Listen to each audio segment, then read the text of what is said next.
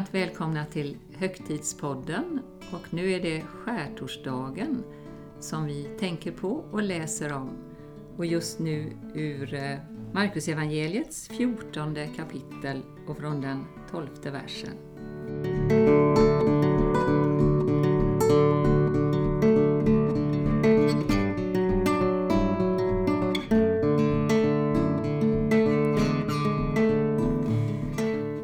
Dagen av det osyrade brödets högtid, när påskalammen slaktades, frågade lärjungarna Jesus, Vart vill du att vi ska gå för att ordna påskmåltiden åt dig? Då skickade han iväg två av dem och sa åt dem, Gå in till staden, där möter ni en man som bär på en vattenkruka.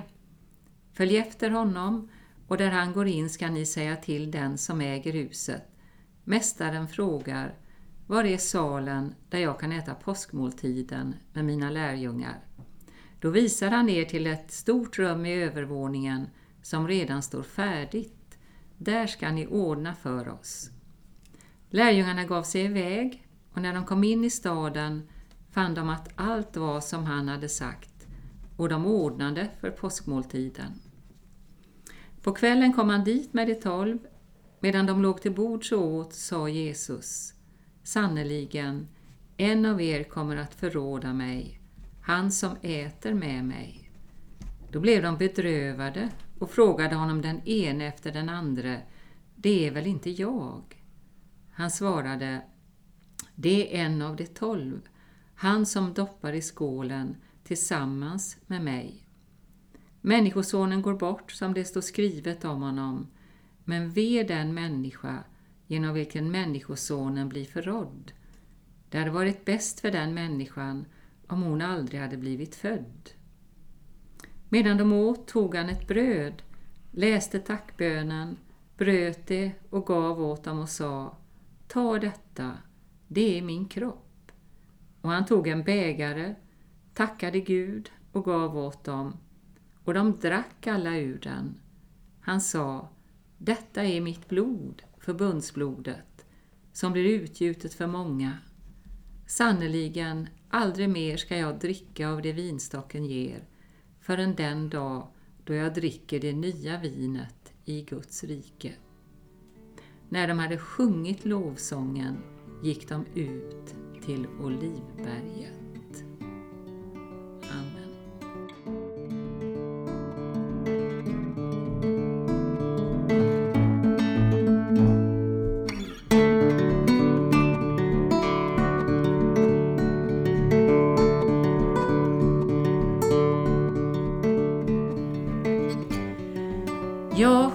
Årsdagen har alltså ingenting med rosa att göra. Utan det är ett gammalt svenskt ord som handlar om att bli ren. Och eh, här syftar det säkert på det som inte berättades av Markus, men som Johannes berättar från samma tillfälle. De beskriver ju det som sker lite olika, de fyra evangelisterna. Men Johannes berättar ju att när den här måltiden ska börja då tar Jesus ett tvättfat och binder omkring sig en handduk och så tvättar han lärjungarnas fötter. Och det var inget ovanligt. Det verkar snarare som att när de ordnade allt hade de missat detta. Eller också var det ingen miss, utan Jesus hade bestämt att den här kvällen ville han göra det som annars var en slavs uppgift.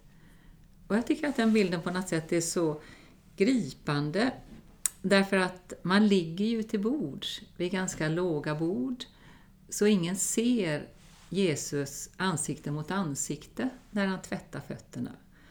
Och jag tänker det var inte så lätt för tolv män som kände sig lite oroliga, inte riktigt vad som skulle ske, att ta emot den där kärlekshandlingen. Men när man inte behövde se varandra så kan jag tänka mig att Jesus stannade lite extra vid var och en och att det utväxlades mycket kärlek där och att han också fick ta emot tillbaka fast de tolv inte riktigt hade liksom pejling på vad som egentligen skulle ske. Men det måste ju varit en väldigt speciell atmosfär. Och då tycker jag också att det är särskilt när de ställer den här frågan när Jesus har förutsagt att en av dem ska förråda honom, inte är det väl jag? Och jag tycker att det är en ganska insiktsfull fråga. För vi vet egentligen inte hur vi reagerar under stark press. Och lite senare så kommer Jesus att säga i en annan skildring av samma tillfälle att nu är mörkrets stund. Och när Jesus hänger på korset sen så kommer det ju ett mörker över hela landet. Och det är som att det är tillåtet här att allt mörker som vi kan bära på faktiskt får komma fram. Och här blir det på något sätt omhändertaget. Så det är okej okay att fråga, inte är det väl jag? Och så kan man undra, är det bara kompakt mörker den här stunden? Jag tycker det finns en liten ljusglimt i det där Jesus säger, jag ska dricka av det här vinet igen, men det gör jag vid en speciell måltid i min faders rike. Som att det var det också som höll honom uppe. Men det finns en stor barmhärtighet hos Jesus gentemot lärjungarna här. Det var inte heller i den här versionen vi läste, men när Lukas berättar om måltiden, då står det att de under en ganska lång stund vid det här tillfället bråkar om vem av dem som är störst. Och man kan ju tänka att eh, det liksom är en suck inne i Jesus på något sätt vid det tillfället. Men han möter också det och säger att det är inte den som eh, strävar efter den största positionen som är den viktigaste, utan det är den som är beredd att tjäna. Och han säger ju också detta att jag har tvättat era fötter, det är att jag har gett er ett exempel som jag har gjort mot er, så ska också ni göra för varandra. Men om det finns en barmhärtighet, då kan man ju naturligtvis fundera en del över Judas. Och många har gjort det. Och så kan man ha den här känslan att det verkar lite förutbestämt. Och det står också någonstans för att skriften skulle uppfyllas. Och då kan det kännas som att Judas är lite fången på något sätt. Kunde inte han säga nej? Och då finns det en lite gåtfull vers i ett brev som Petrus har skrivit, som finns i Nya Testamentet. Och då är vi verkligen inne på mystikens område. Men han säger faktiskt att när Jesus sen dör, då går han ner i dödsriket och där predikar han för dem som där är i fängelse, som det står. Och jag tycker att man kan väldigt väl göra sig en liten fantasi. Och jag minns att jag hörde en fantastisk andakt om det en gång av Lars Kolmar. Hur Jesus och Judas möts i dödsriket. Och det blir liksom försonat. Och jag kan gott tänka mig, det känns liksom som evangelium, att det fanns en chans också för Judas. Detta behövde liksom inte bli det sista. Eh, temat för skärtorsdagen är det nya förbundet. Och finns det ett nytt förbund, då måste det finnas ett gammalt. Och det gör ju det. Och då är den gammaltestamentliga texten ifrån Andra Mosebok. Och det beskriver när Mose och några av de äldsta av Israels folk är uppe på berget Sinai. Det är ju där Mose får ta emot budorden.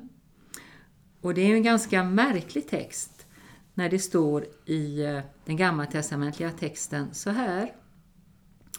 Eh, att Mose och några av Israels äldste gick upp på berget och de såg Israels Gud. Under hans fötter var som ett golv av safir, det liknade själva himlen i klarhet. Han lyfte inte sin hand mot de främsta i Israel. De skådade Gud och de åt och drack. Egentligen är det ju så i Gamla Testamentet att ingen kan se Gud och leva. Men de här ser Gud och de äter och dricker. Och ändå så tänker jag att det är mer storslaget att se Gud i den nytestamentliga texten. Alltså den Gud på väg mot sin egen död, som ju inte är på grund av någonting som han har förbrutit sig, utan en slags ställföreträdande död och han böjer sig ner och tvättar lärjungarnas fötter. Det är kanske där man ser Israels Gud ännu mer. Och man kan väl utan överdrift säga att det här som händer i den övre salen i Jerusalem det är nog ändå historiens viktigaste måltid. Om man tänker på att allt sedan den dagen så har kristna och sökare över hela världen på en mängd olika sätt firat den måltiden och i viss mån gjort likadant allt sedan dess.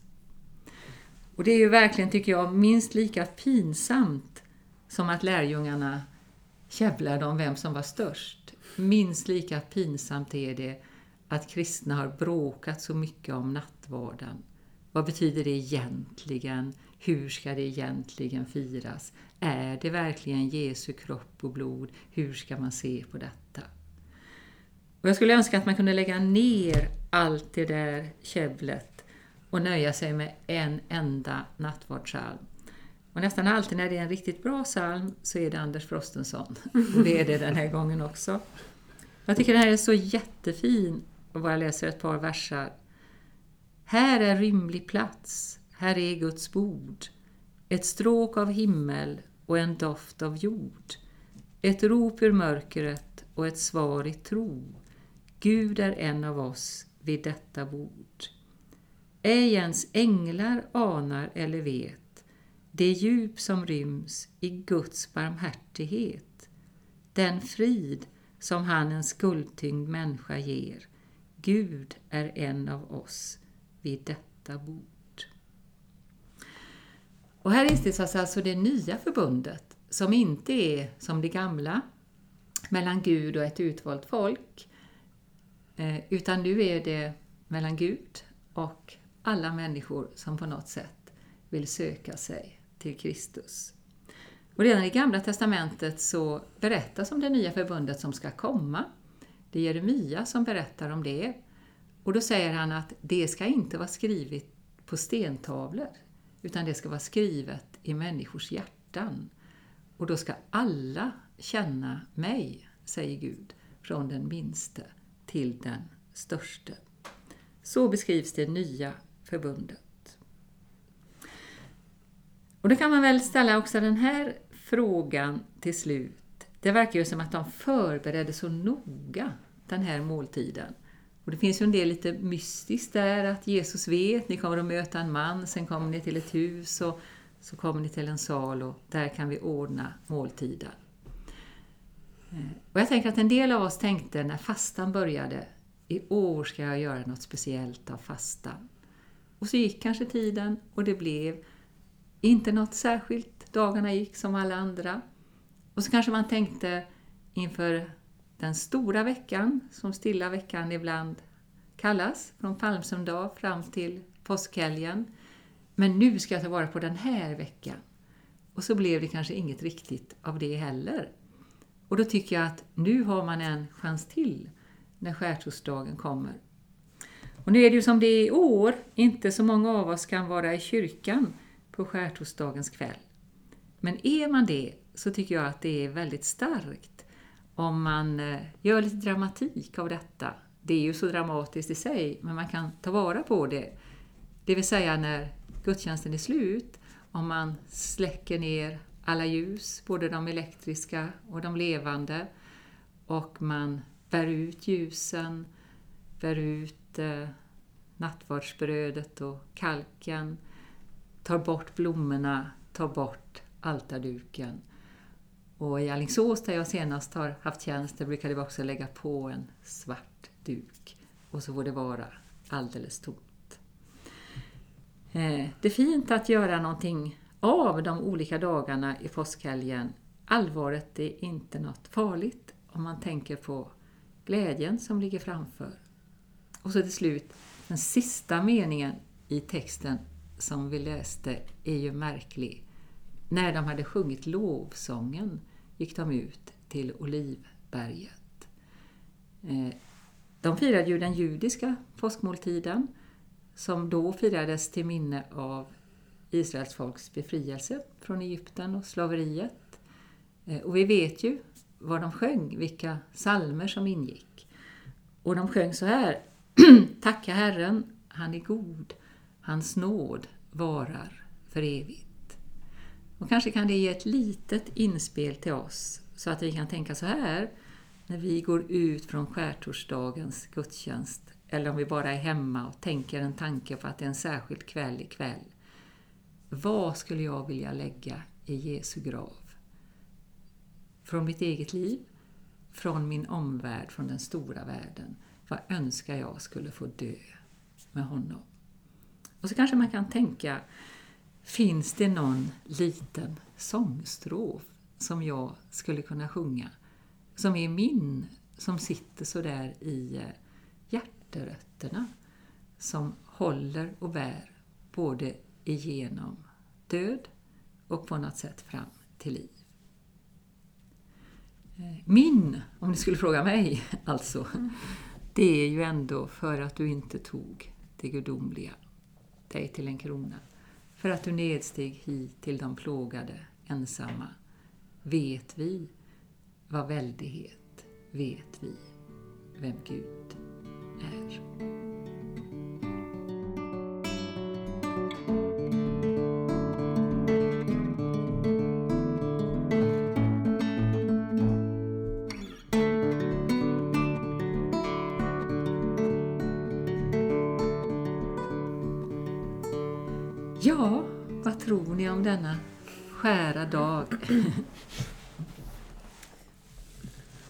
Ja, tack. Tack Liselott. Ja. Ja, men själv sitter man ju och funderar på hur det var på den här måltiden. Alltså, mm. det, det, är lätt att hoppa in i det där. Och, mm. Visst är att man, jag hoppar ju bara till vid det här att de låg till bords. Mm. Bara en sån sak. Och så har man liksom Da Vincis eh, målning. Där, ja. sitter, där sitter de på rad. Vilket är väldigt Just märkligt. det, precis. Att det också sett om det...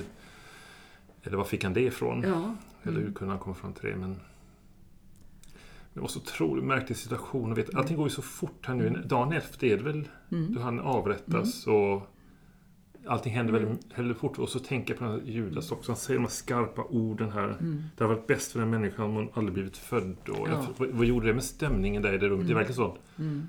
Det här var ingen rolig mål. Det avslutas inte så bra. Nej, precis. Riktig partydödare. Ja. ja. Men det var fint det du sa där med eh, att, att han fick lite upprättelse i Judas. För hade inte han gjort det så hade ju inte saker hänt. Nej, den, det är eller? det som är märkligt. Och det kan vara lite märkligt också att tänka, men förråda, vad är det han gör? Ja, han pekar ju ut Jesus. Men det kan man tänka lite, jag säga, vanligt mänskligt, men var det så svårt att, att hitta honom och, och vem han var? Det var visserligen mycket folk i Jerusalem, ja. men, men eh, nej, han är ju en gåtfull gestalt på det sättet. Och, eh, Menar du Jesus eller Judas nu? Ja, båda två. Men Judas tänkte jag på just nu. Liksom eh, var, varför han... Eh, och så tänkte jag, om man ska tänka vackert, och jag är ju svag för att tänka vackert, så ja, han kanske får vara där därför att alla som tänker att, att alla chanser är, mm. är liksom förödda för mig, att då då kanske ändå, och, det, och jag menar det, det står ju inte klart utsagt, men eh, just att han gick ner där, det, jag tycker det är så svårt att tänka sig att om man gick ner i dödsriket, mm.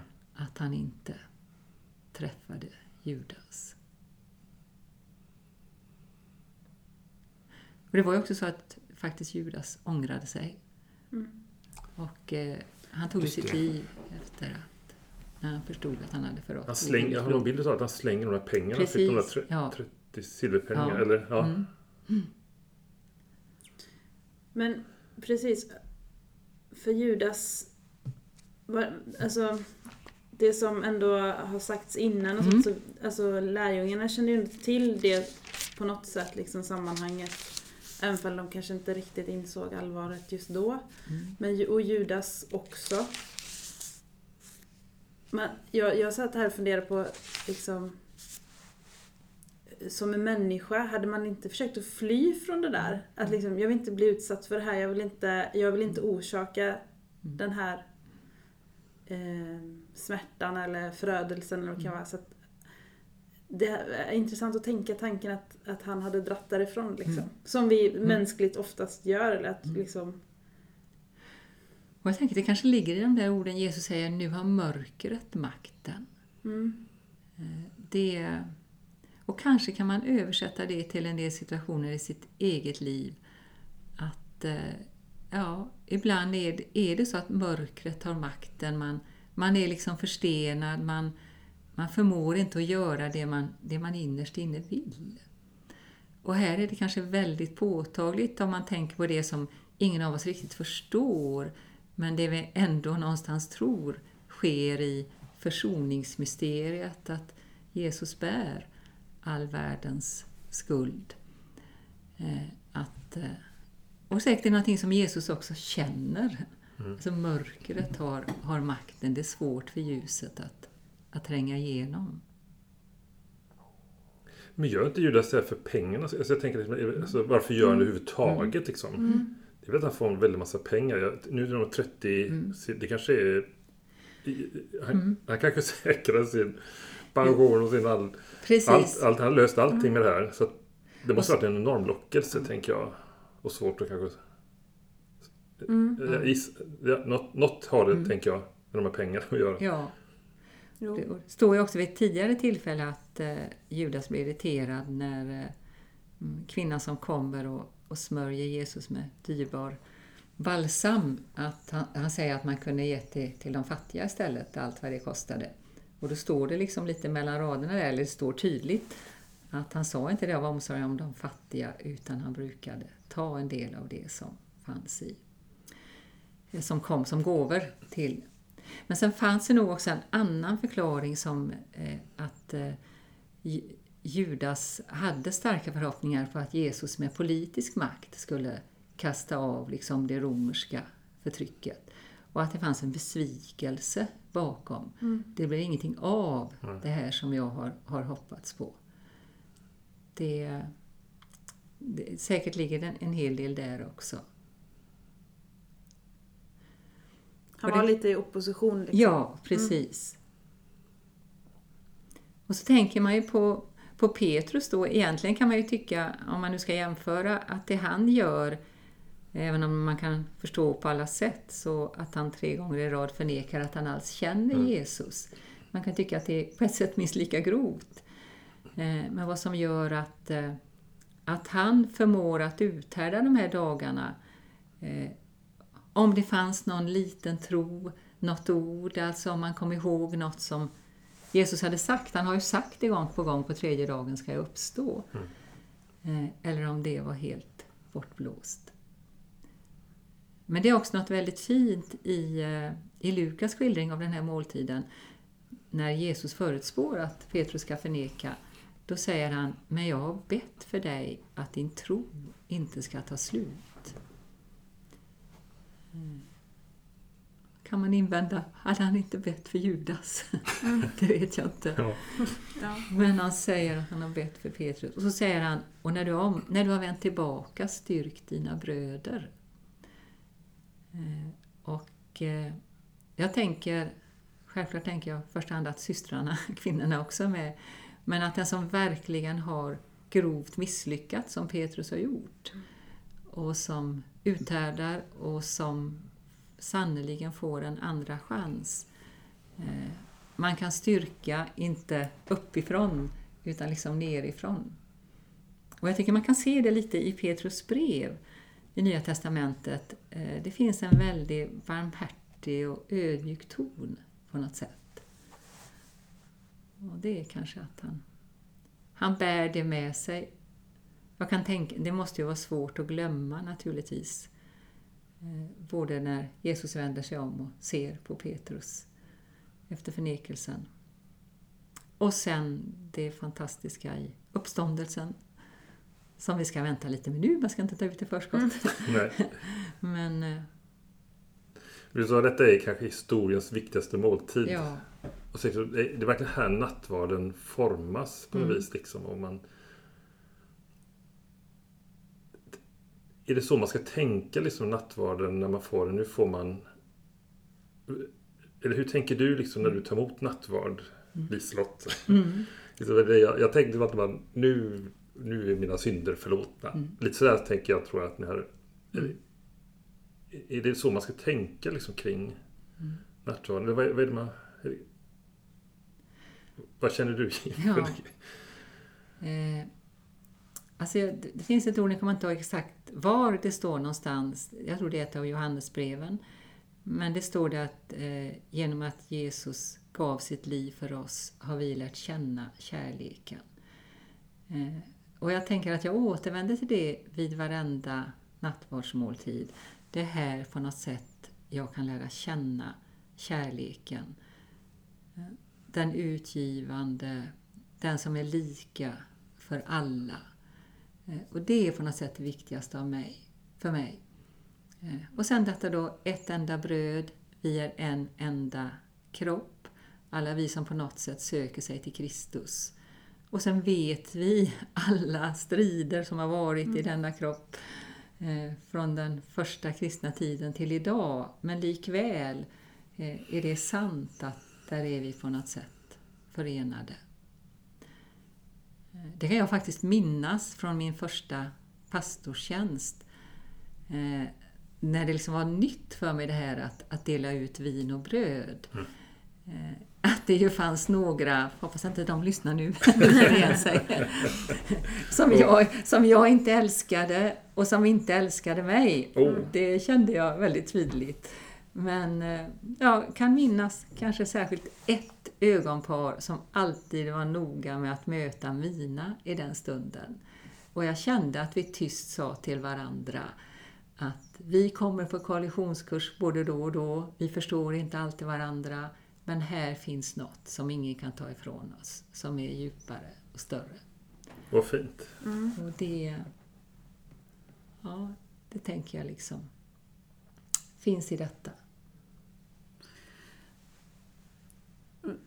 Just nattvarden är för mig är den, eller har genom tiderna varit ganska komplicerad. Mm. Eller för den, det är så mycket mystik och det mm. liksom var, varför, varför ska vi dricka en, liksom lite vin mm. och äta en brödbit mm. mitt i en gudstjänst och så ska det vara en extra helhet över det. Mm. Och jag kan ju höra de som inte delar eh, kristen tro med mig, de tycker det är ju ännu mer märkligt. Mm. Eh, och och varför, var, liksom, var, kom, var kommer det sig ens? Mm. Det, det, är ändå liksom inte en, om man får säga, fullgod måltid för att vi ska bli mätta och, och mindre törstiga heller. Liksom. Så det är, det är någon symbolik där som är svår att... Mm.